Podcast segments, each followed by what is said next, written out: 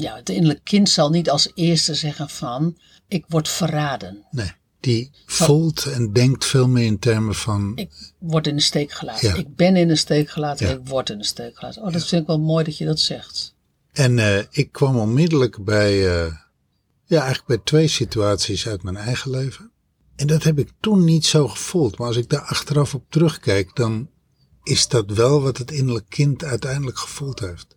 Ik ben vanaf mijn zesde tot mijn, ik denk negende of tiende, dieper in de negen. Had mijn moeder een vriend op Texel. En die man geloofde heel erg in eh, disciplineren. Dus die ging mij wel eens even disciplineren. Want die was het niet eens met wie ik was en hoe ik was opgevoed en, en hoe ik reageerde. En, nou, dat, dat ging die wel eens even op zijn eigen manier corrigeren. En dat botste volledig met wie ik was en met wat ik nodig had. Wat dat kind nodig had. En mijn moeder heeft dat heel lang toegelaten. Uiteindelijk is ze bij hem weggegaan, omdat dat tussen hem en mij voor geen meter liep. Maar het heeft dus al met al drie jaar geduurd. Ik denk zelfs nog iets langer. Het waren, dat waren in mijn kindertijd natuurlijk drie hele lange jaren.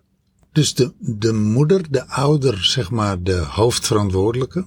Want ik bedoel, hij was er later bijgekomen. Mijn moeder was de hoofdverantwoordelijke, in mijn gevoel. Dat was the one. Nou, sterker nog, het is ook je biologische moeder. Hij was niet de biologische Nee, vader. Dus, dus de- deze man was een, eh, een vreemdeling. En dat ze dus hem verkoos boven mij. Ondanks het feit dat die man allemaal eh, geintjes flikte die gewoon niet goed waren voor mij. Nou, dat, dat heb ik ervaren als verraad. Heb ik ervaren als in de steek gelaten.